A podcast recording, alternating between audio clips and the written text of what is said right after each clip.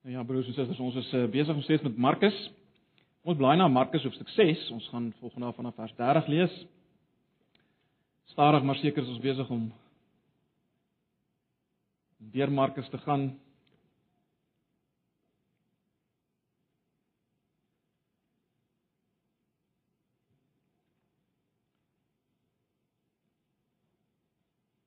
Maar ek weet nie van julle nie, vir my is dit 'n groot seën om uh, besig te wees met Markus.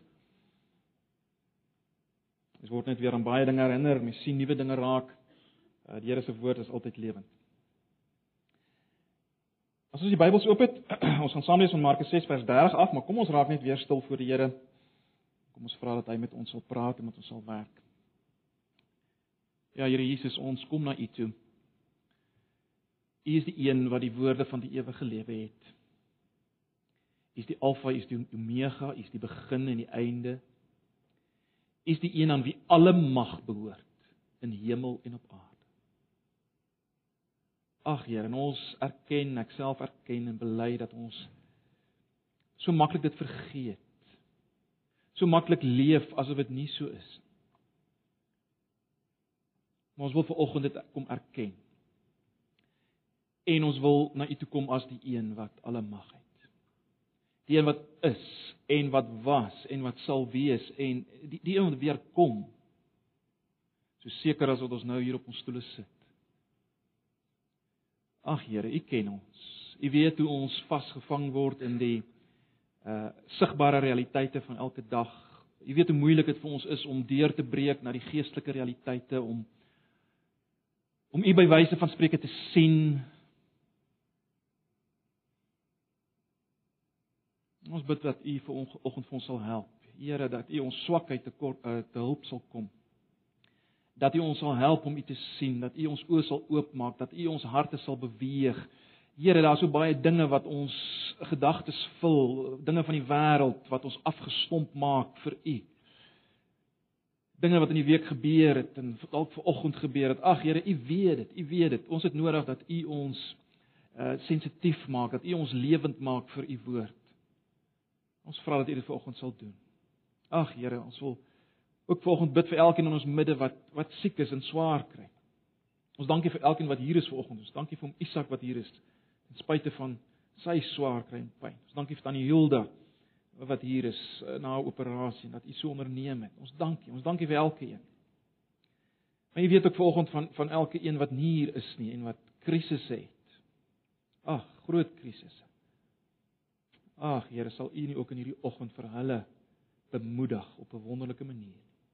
Asseblief. Maar kom nou Here en kom praat met ons en kom werk met ons. In Jesus se naam. Amen.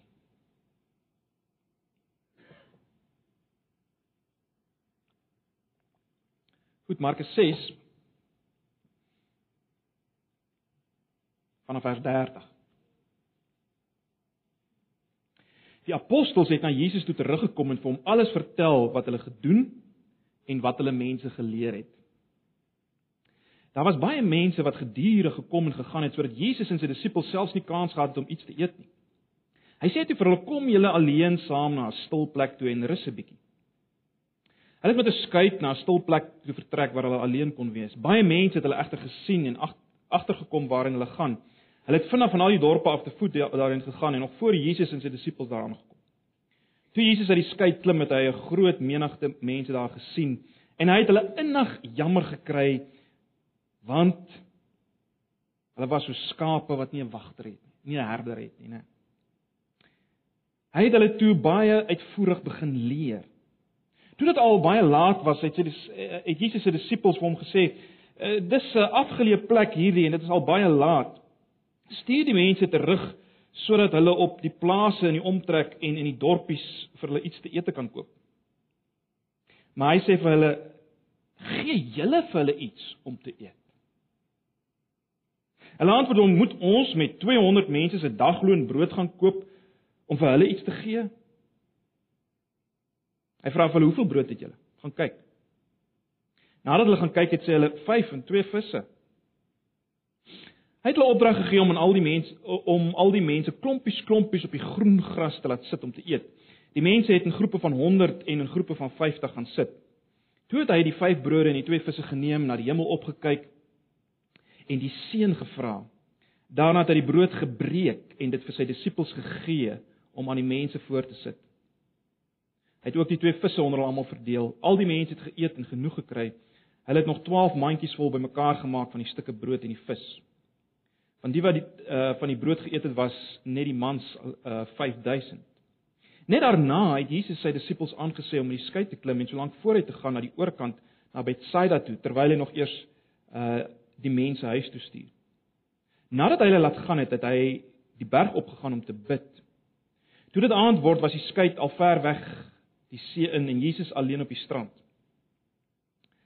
Hy het gesien hulle roei swaar want die wind was teen hulle. Teen dagbreek die volgende môre het hy op die see na hulle toe aangeloop gekom en hy wou langs hulle verbygaan.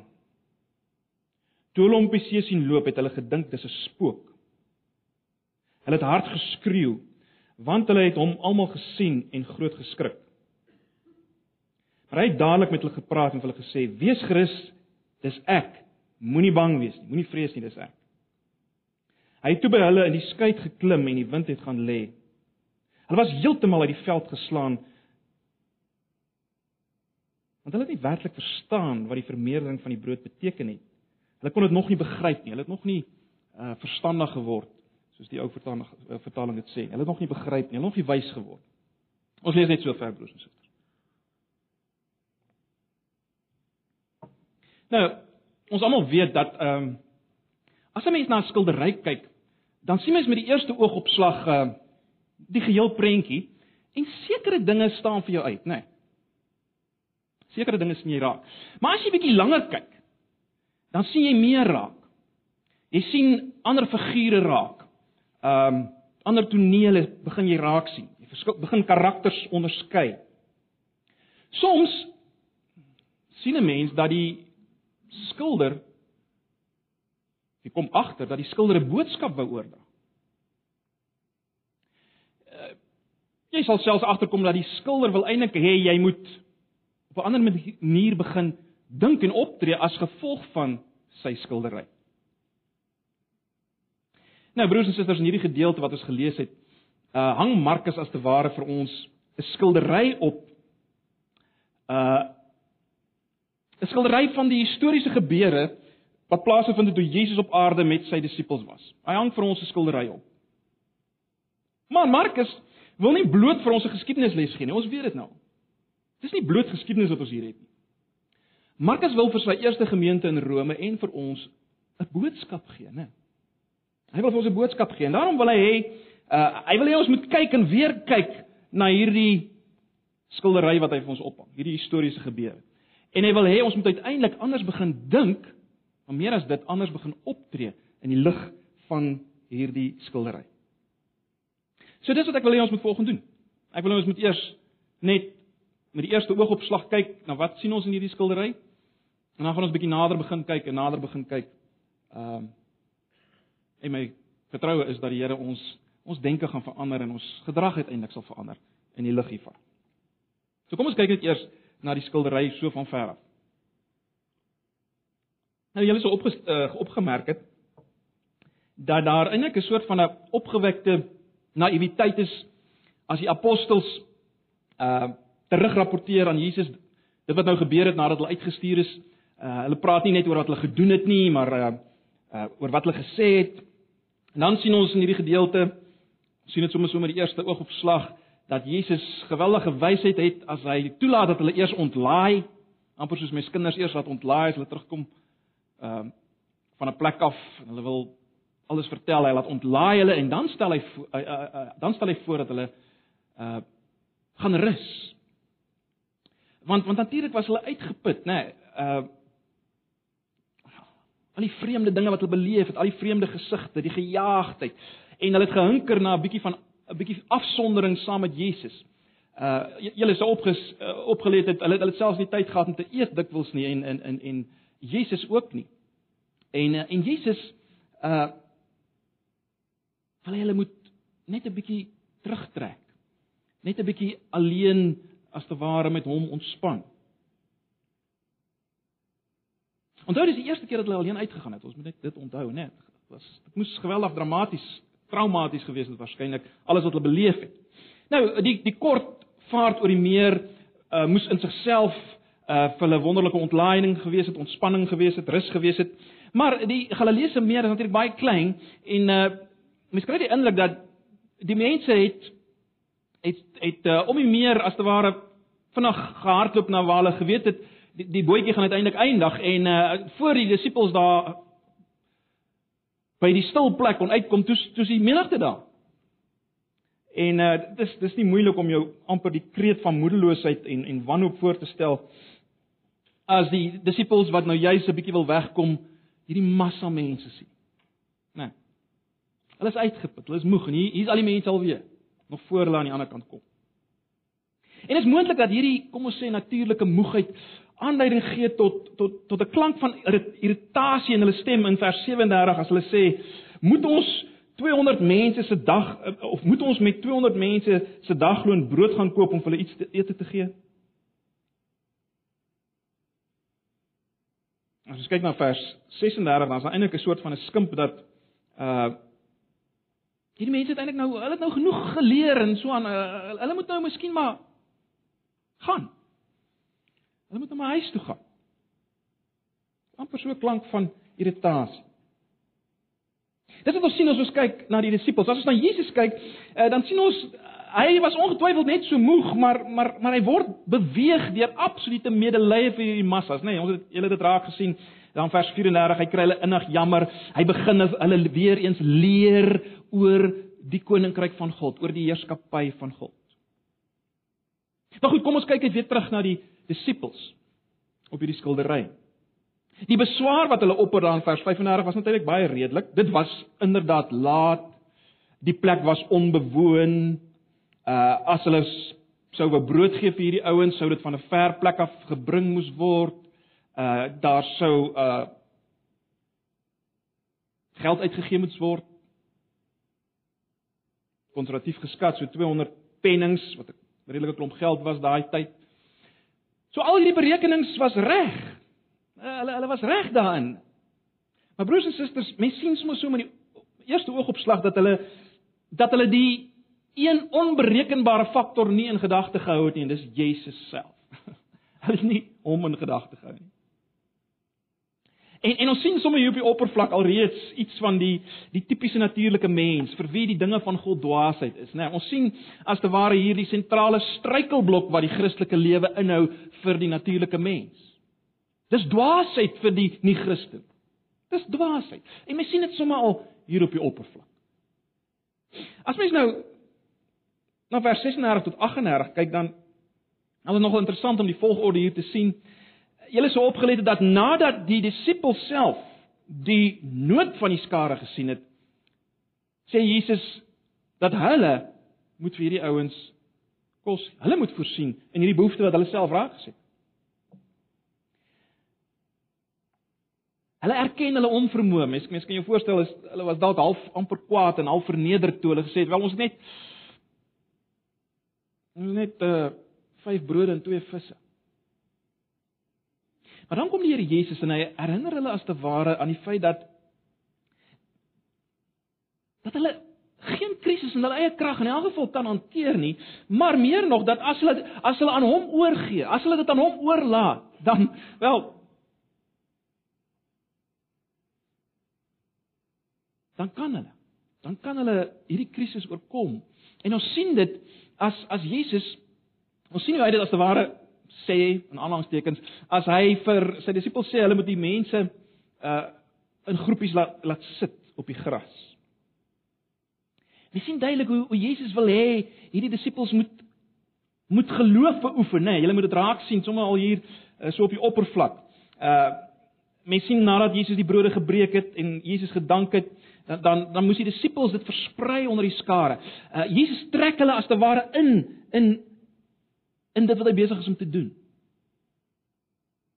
Jy sien, hy wil hê dat hulle geloof moet openbaar. Let wel, nie net 'n intellektuele instemming dat ja, Jesus kan voorsien nie. Hulle moes as te ware deel hê daaraan. Hulle moes iets doen. Hulle moes uh, die brood uitbreek en uh, uh, uitdeel En jy kan jou nou voorstel, as daar nie 'n wonder sou plaasvind nie, dan sou hulle soos gekke gelyk het.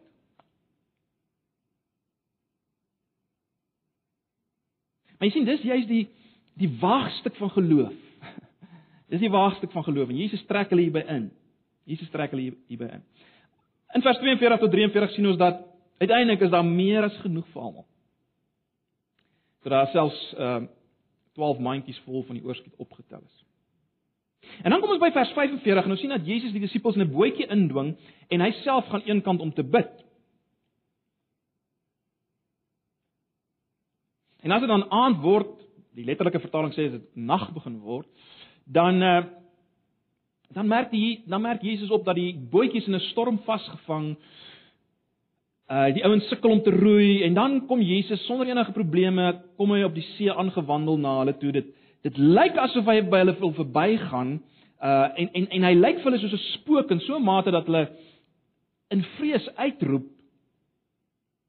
en dan hoor hulle 'n stem wat sê Hou goeie moed. Dis ek. Moenie bang wees nie. Moenie vrees nie. Of wees gerus, dis ek. Moenie bang wees nie. En ons sien dat verbasing en verwondering oorval hulle want Markus sê vir ons in vers 52 dat uh hulle nie werklik verstaan wat die vermeerdering van die brood beteken het nie. Hulle hulle het nog nie begryp nie.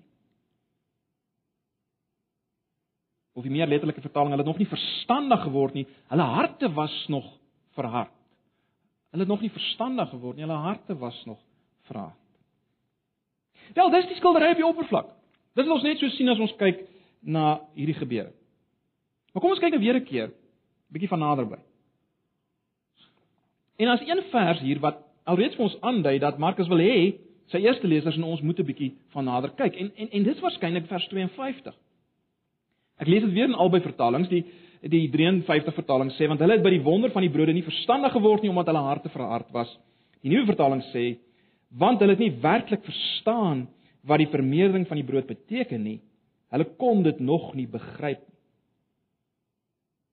Met ander woorde, Markus wil duidelik hê dat dat sy eerste lesers in Rome en ons moet iets sien wat die disippels, die historiese die disippels nie gesien het.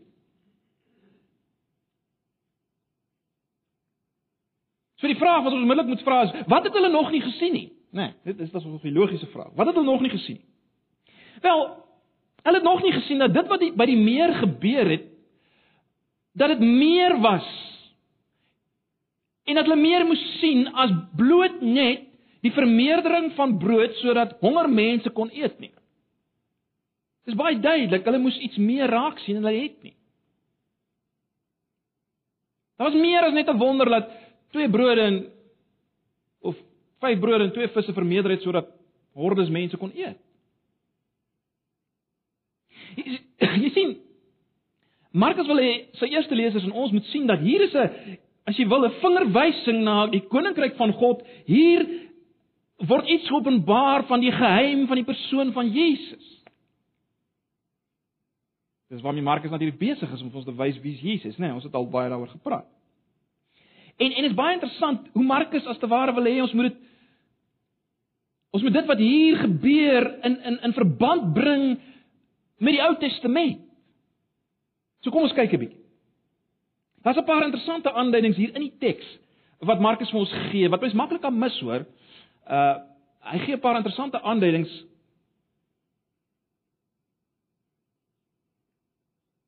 van die feit dat hier iets meer is en dat ons meer moet sien. 'n Eerste ding wat mens maklik kan mis is die feit dat die mense of dat Markus eksplisiet sê hulle het op die groen gras gaan sit. Nou die die ouens wat nou meer weet van die goed sê dat die die gras hier langs die meer was net groen eh, was net groen tydens die laat winter vroeë lente reëns en en dit was natuurlik baie insiggewend dit was die tyd waarin die Pasga gehou is. Nou dat ons nie hier besig is met 'n baie snaakse afleiding. Jy sien ons uit die Johannes Evangelie wat as as Johannes praat oor hierdie gebeure oor die vermeerdering van die brood, dan bring hy dit eksplisiet in verband met die Pasga. Hy sê dit gebeur tydens die Pasga. So dis die eerste aanduidingkie wat Markus insit uh in hierdie gedeelte. Nou, hoekom is dit belangrik? Wel, wat het gebeur tydens die Pasta, Pasga? Of waaraan het die waaroor het die Pasga gegaan? Wel, dit was 'n terugdink, dit was 'n viering van daardie ongelooflike, sekerlik die grootste openbaring van God se versorging van sy mense in nood, né? Nee. En julle sal weet ons het daarna gekyk toe ons Eksodus gedoen het. God se voorsiening vir sy volk in die woestyn. Dis waaroor die Pasga gaan. Daar's nog 'n aanduiding dat Markus uh, wil hê ons moet daaraan dink. Uh, en mense mis dit ook maklik. Uh die die plek waarna Jesus wou gehad hulle moet gaan, uh wat in ons vertalings vertaal word met verlate plek of stil plek. In die Grieks is dit baie interessant. Die, die woord eremos word gebruik, woestyn. Hulle moes na die woestyn gaan. Jesus sê julle moet na die woestyn gaan. En en en onmiddellik natuurlik sal julle sien daar's 'n daar's 'n parallel met dit wat in die woestyn gebeur het uh toe Jesus manna gegee het. Is ook baie interessant dat die mense hier in groepe groepe moes gaan sit van 50 en 100. Dis presies wat die stamme van Israel moes doen by geleentheid. Ons sien dit in Eksodus 18 vers 25.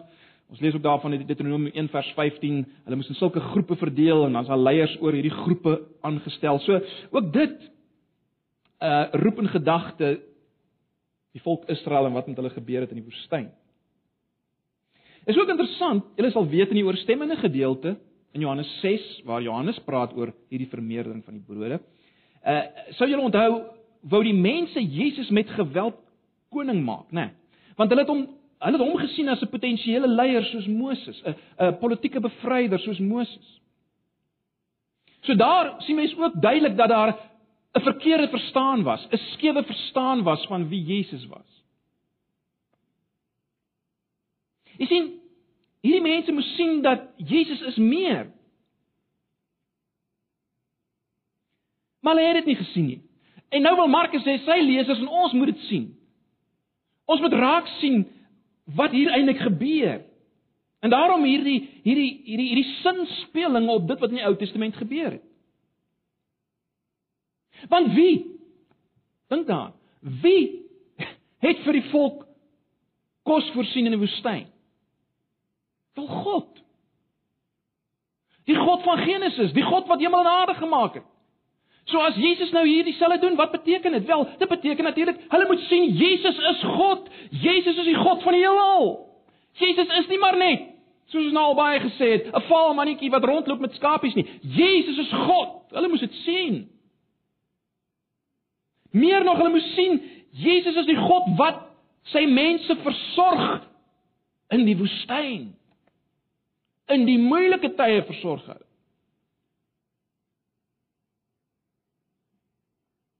Maar hulle moes nog meer sien wat hulle nie kon sien nie. En as ons hier by Markus 8 kom, dan sal ons duidelik sien dat hierdie ouens nie kon sien. Hulle was blind. Maar goed, wil nie vooruit gaan nie. Wat is daar wat hulle nog moes sien en wat wat Markus wil hê ons moet sien? Dit is baie interessant. As mens kyk na vers 41. Ons lees daar toe het hy die vyf brode en die twee visse geneem en na die hemel opgekyk en die seun gevra, daarna het hy die brood gebreek en dit vir sy disippels gegee. Waarna herinner dit vir julle? Enigeen? Waar lees ons daai woorde? Nagmaal. Ja, dis wat ek Julle is julle is verkeerd nie hoor. Mense sê maar altyd vir mense, hulle is nie verkeerd nie, dan voel hulle beter. Die nagmaal. Jy sien Markus wil hê sy eerste lesers en ons moet moet sien dat dat dit wat hier gebeur, hy gebruik terloops in die Grieks dieselfde woorde as wat hy gebruik by die instelling van die nagmaal. So wat wil hy hê moet ons sien?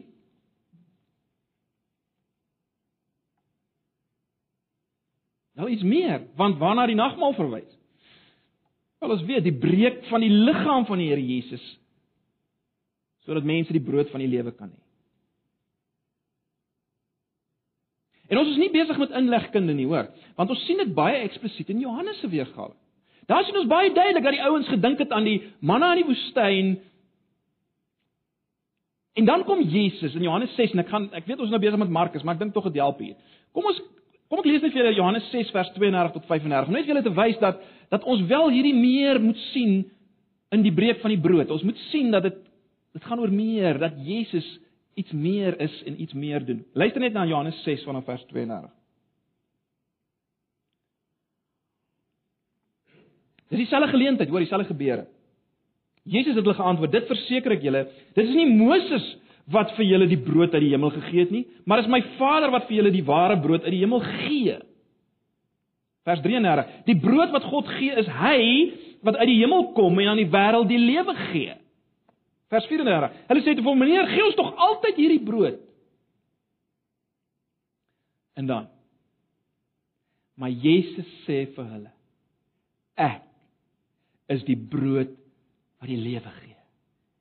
Wie na my toe kom sal nooit weer honger kry nie en wie in my glo sal nooit weer dors kry nie.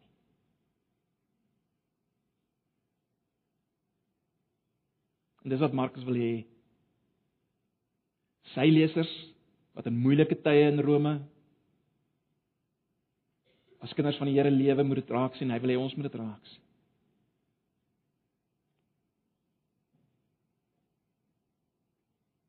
Ag en as ons as ons iets daarvan verstaan van hierdie dieper dimensie wat wat hier uitgelig word, dan dan verstaan ons ook hoekom uh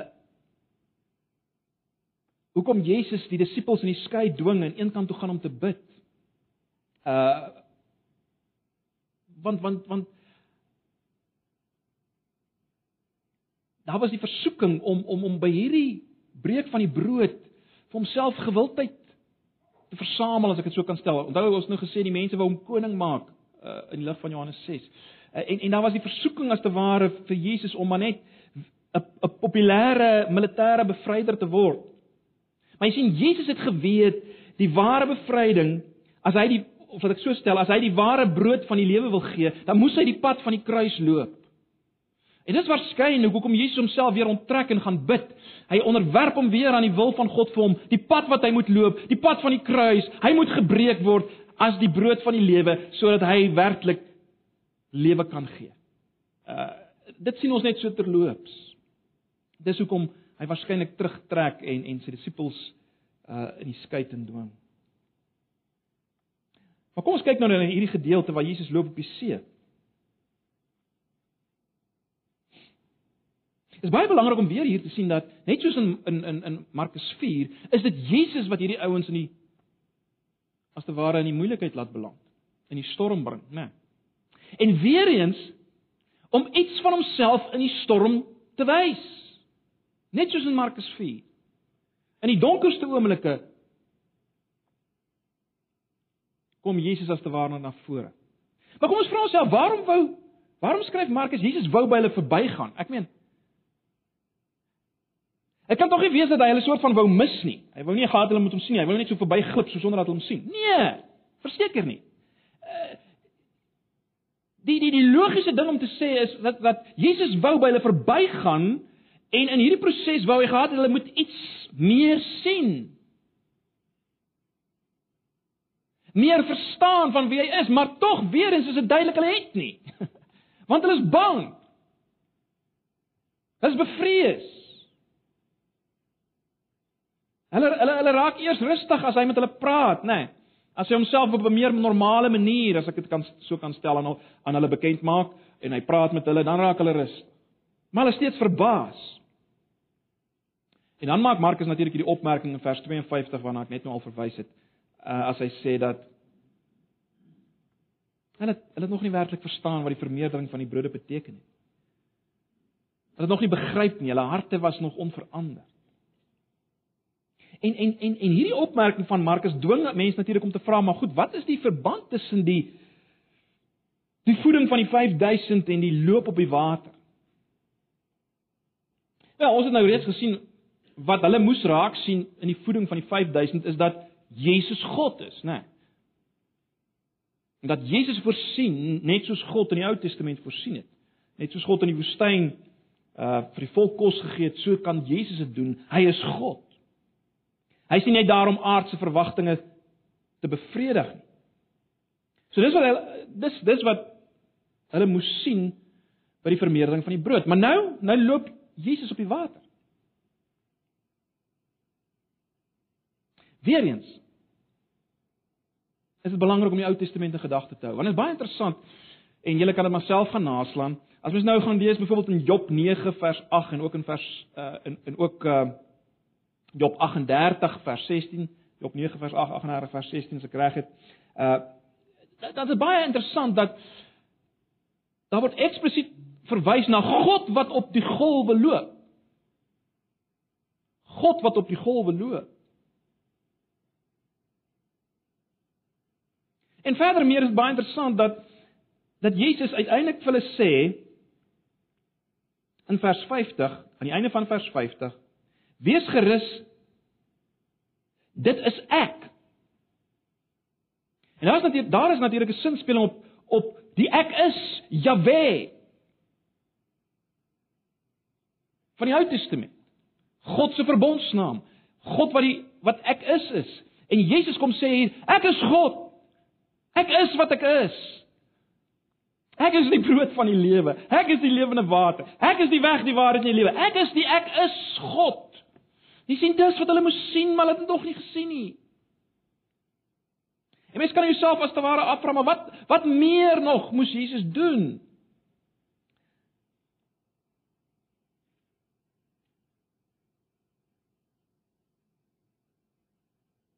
Ja, dit beteken nie hulle moes natuurlik dat hulle elke Ou Testamentiese gedeelte in gedagte moes bring nie, maar maar hulle moes in dit wat gebeur het begin raak sien dat die een wat met met wie hulle te doen het, doen goed wat wat net God kan doen.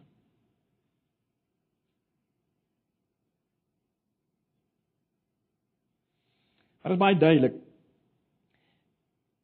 Die disippels hier het nog nie werklik daardie vertroue en geloof in God gehad nie. En en dis iets wat natuurlik deurloop en wat, wat wat ons nog baie gaan raak sien in Markus en 'n klimaks daarvan in Markus 8. Maar goed, kom ons bring nou alles bietjie nader aan ons lyf. Kom ons bring 'n bietjie alles nader aan ons lyf.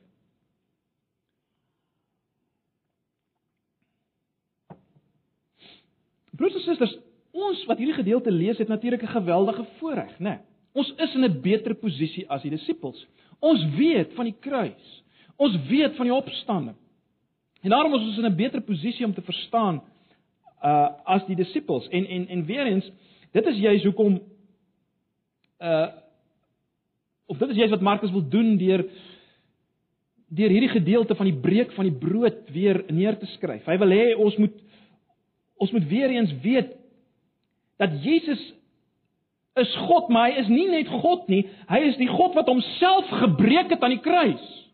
Jy sien, dis die twee goed wat wat ons moet saamhou. Jesus is aan die een kant God. Dieselfde God van die Ou Testament.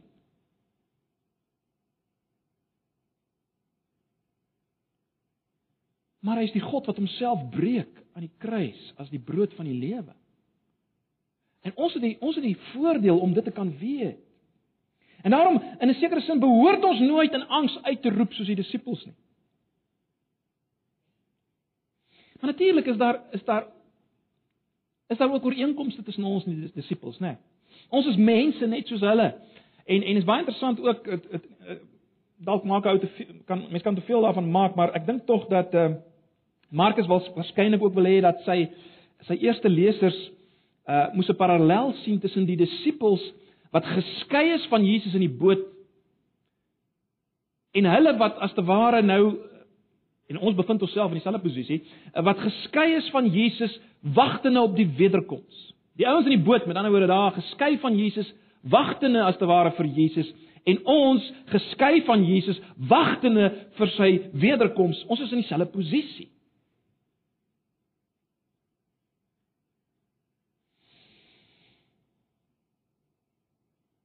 En broers en susters, Markus en die Heilige Gees weet dat ons wat in hierdie posisie is, is geneig om te reageer soos die eerste disippels, ten spyte van ons meer kennis. Ek dink die meeste van ons sou kon getuig vanoggend van van uh van gebeure in ons eie lewens wat baie ooreenstem met die vermeerdering van die brood. Met ander woorde, situasies waarin ons was, waar ons besef het ons kan nie iets in hierdie situasie doen nie. Dis te veel vir ons. Dis buite ons vermoë en waar die Here voorsien het. Ek dink ons as gemeente het al iets daarvan beleef met met Pretoria Wes, hoe die Here voorsien het.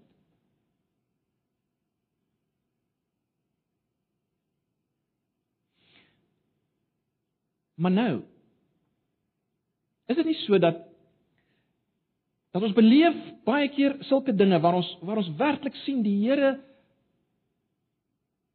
doen 'n wonder. Hy doen iets wat ons nie kan doen nie. Maar dan kom ons in 'n situasie wat ooreenstem met dit waarin die disippels was toe hulle in die nag op die bootjie was, nê. Nee, ons kom in 'n situasie waar waar alles verkeerd loop. Maak nie saak of dit 'n toestand van geestelike dorheid is. En julle julle weet hoe erg kan dit wees, 'n toestand van geestelike dorheid, duisternis, of 'n toestand van finansiële nood of uh vriende wat my teleurgestel het. Gewellige uh siekte toestand wat oor my kom. Wat in geval ook ag ook al mag wees. Ons kom in so 'n situasie en ewe skielik is ons paniekerig. Ons roep uit in vrees.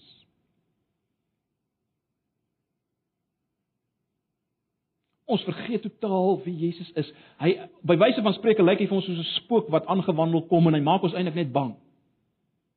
Hy maak ons eintlik net bang. Is dit nie so? Is dit nie so? Ons sukkel. Ons word bang.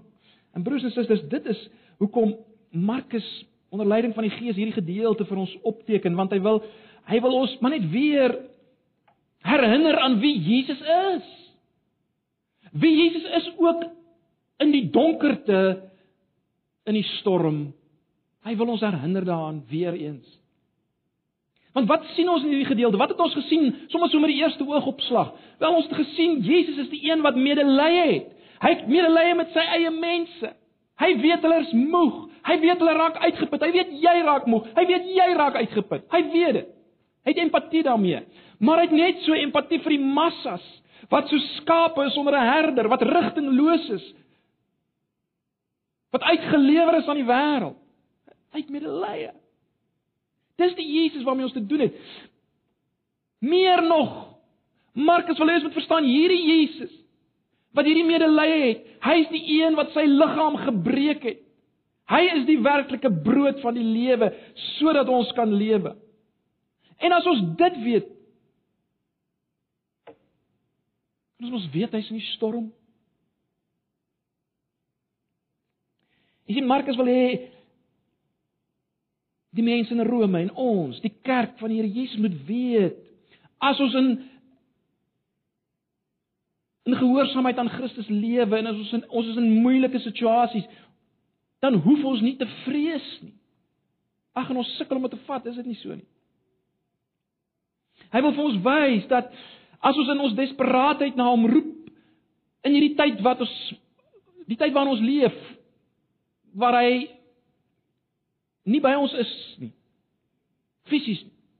As ons in hierdie tyd afwagtende op sy wederkoms As ons na hom roep in desperaatheid, wel hy die een wat medelee het, is by ons. en ons weet hy's by ons deur sy Heilige Gees. Hy's by ons.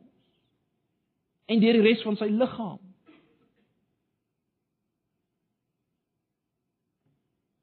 En Markus wil ons verstroos daarmee. Met ander woorde, hy wil hê ons moet dit vat vir oggend dat Jesus is nie net by ons in die wonders nie. Hy is ook by ons in die donkerte. Dis waar hy werk.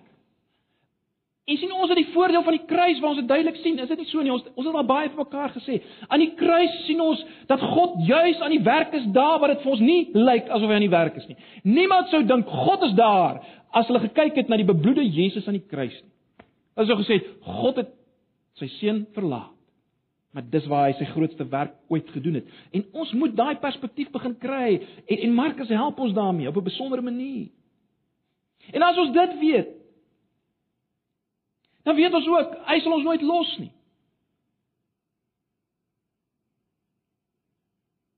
Hy het sy liggaam vir ons gegee. Hoe sal hy ons nou los? Hy is die brood van die lewe. So Markus gee vir ons 'n vertroosting, broers en susters, deur hierdie gedeelte. Geweldige vertroosting. Maar daar's ook 'n uitdaging. Daar's definitief 'n uitdaging. En dis meer implisiet. Maar ek dink dis daar. Markus wil sy eerste lesers en vir ons uitdaag om as liggaam van Jesus dieselfde gesindheid as Jesus te hê. Vers 34 is is 'n sleutelvers, is dit nie? Jesus sien die massas malende klomp mense, hierdie menigte en hy sien hulle as skape sonder 'n herder. Hy sien hulle as mense wat geen geestelike kos het nie. Sit met menslike tradisies. Hy sien hulle En hy's hy's beweeg in sy binneste deur hierdie mense, deur dit wat hy sien. En dis waarmee Markus ons implisiet wil uitdaag, broers en susters, ons as as as as sy liggaam. Hy wil vir ons sê, het julle dieselfde passie, die empatie vir mense rondom julle wat geen herder het?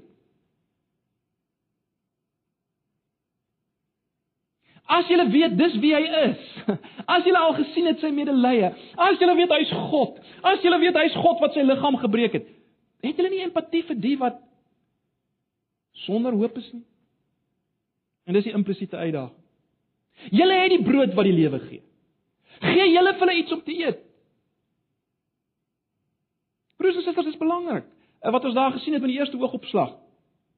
Jesus sê gee julle vir hulle iets om te eet. Ons het dit. Ons kan dit vir hulle gee.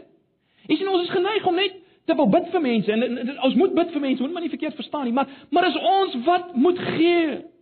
Dis ons wat die brood moet uitdeel met die hart van Jesus. En dis die uitdaging hier. Ons het die brood, né? Nee, die boodskap van die gebreekte liggaam van Jesus aan die kruis, dis die brood wat ons kan uitdeel. Uh, en ons het ons het die Heilige Gees wat wat dit in 'n wonder kan verander. As ons begin besig raak daarmee. En dis waarmee Markus ons ook uitdaag. Gee julle vir hulle iets om te eet. Ag broers en susters, ek sluit af. Ons het nou na hierdie skildery gekyk en weer gekyk en wat ons osself moet afvra, wat jy jouself moet afvra is dit, het het ek al verstandig geword? sien ek al wie Jesus is? Sien ek al ver oggend dat Jesus meer is. sien ek al dat Jesus meer is as bloot die kinderbybelfiguur waarmee baie van ons nog rondloop in ons koppe. sien ons dat Jesus meer is as een wat maar net moet help met alles waarmee ek sukkel. Baie mense sê as 'n verhouding met Jesus is, hy moet doen. Hy moet hulle dit gee, hy moet hulle dat gee. En hy sy genade, hy doen hy dit dikwels, maar maar broers en susters, hierdie gedeelte daag ons uit met die feit dat Jesus is meer as dit. Hy is nie net daar as Kersvader om vir jou goed te doen nie. Hy is self, hy self is die brood van die lewe. Hy's God. En daarom hoef jy ook nie te vrees in moeilike tye nie. Maar, baie belangrik. As jy volgens sê, ja, ek sien al iets meer van Jesus. En deur deur die res van Markus het ek nou al iets begin opnuut sien van Jesus. Dan dan is dan is die vraag natuurlik wel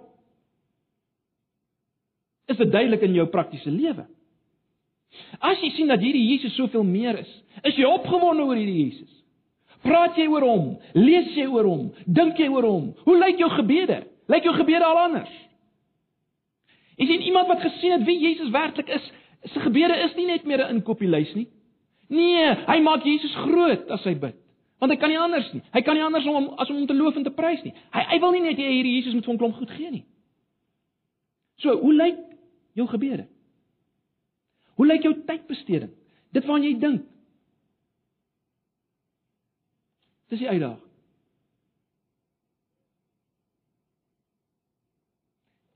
En meer as dit nog. Weereens Het ek en jy wat sê dat ons Jesus al sien vir wie hy is, het ons 'n hart vir die menigte wat is so skape sonder hierdie herder. Het ons 'n Empatie.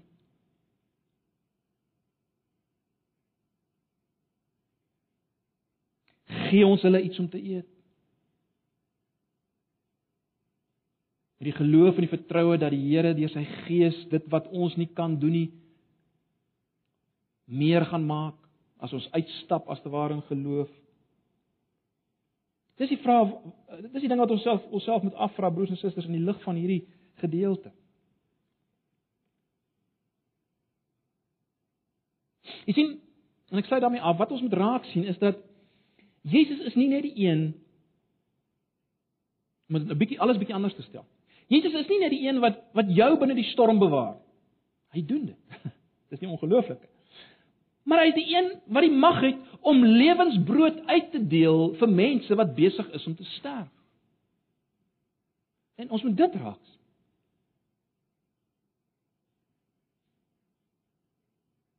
Ons moet dit ook raak. Jesus het die mag om mense wat besig is om te sterf om vir hulle lewensbrood te gee. Deur my en jou optrede. En dis die uitdaging. Ag broers en susters. My gebed is dat dat ons vanoggend tog 'n bietjie anders sal wegstap nadat ons na hierdie skildery gekyk het. Mag die Heilige Gees die woord gebruik en met ons werk. En hy hy weet hoe lyk jy en jy weet in 'n groot sin waar jy staan vanoggend. Ek weet dit. Sien ons kan ons vreeslik voorgee, maar ons weet hoe lyk ons werklik.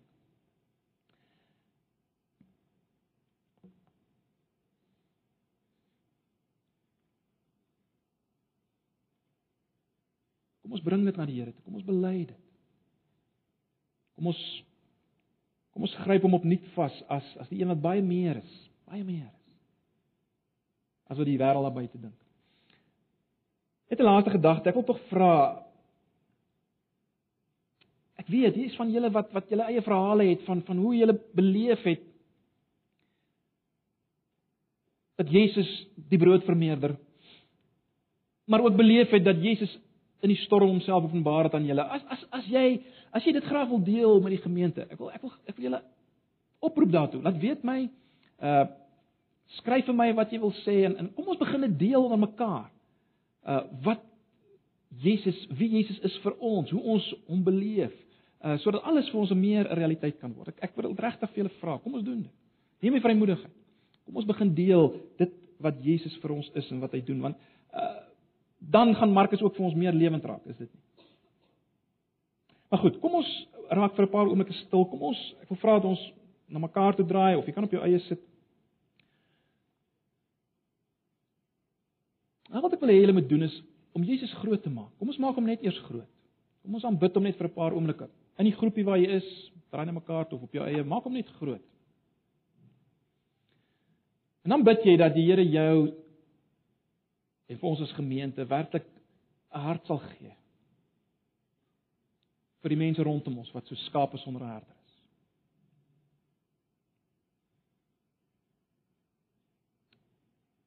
So dis die twee groot dinge wat ek wil hê ons moet voorbid. En natuurlik kan jy dit daarbey byvoeg en uitbrei. Kom ons raak vir 'n paar oomblikke stil in ons. Raak stil voor hierdie Jesus.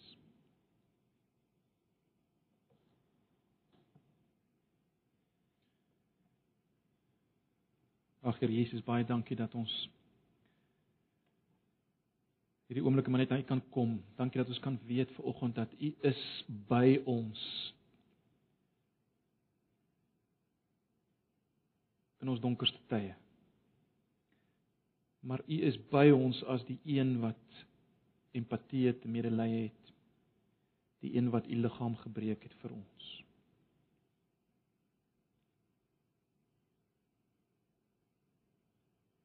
En dankie dat ons volgende kan weet u sal uiteindelik eendag finaal na ons terugkom. En alle trane afvee. En ons sal vir ewig by u wees. Help ons om tot dan vas te hou aan aan hierdie waarhede wat ons vanoggend gesien het. Al al lyk alles asof die teenoorgestelde waar is. Asseblief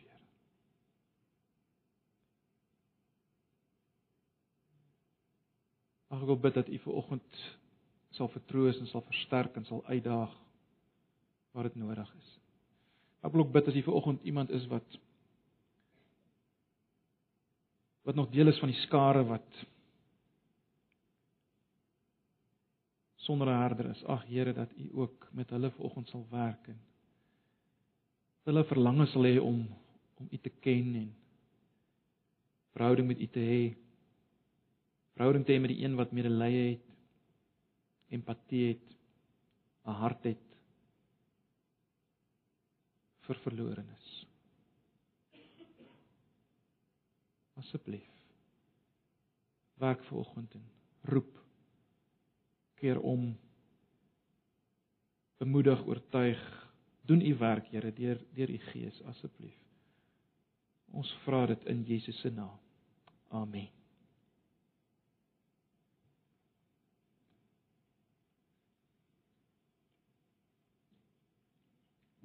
Ons sluit af met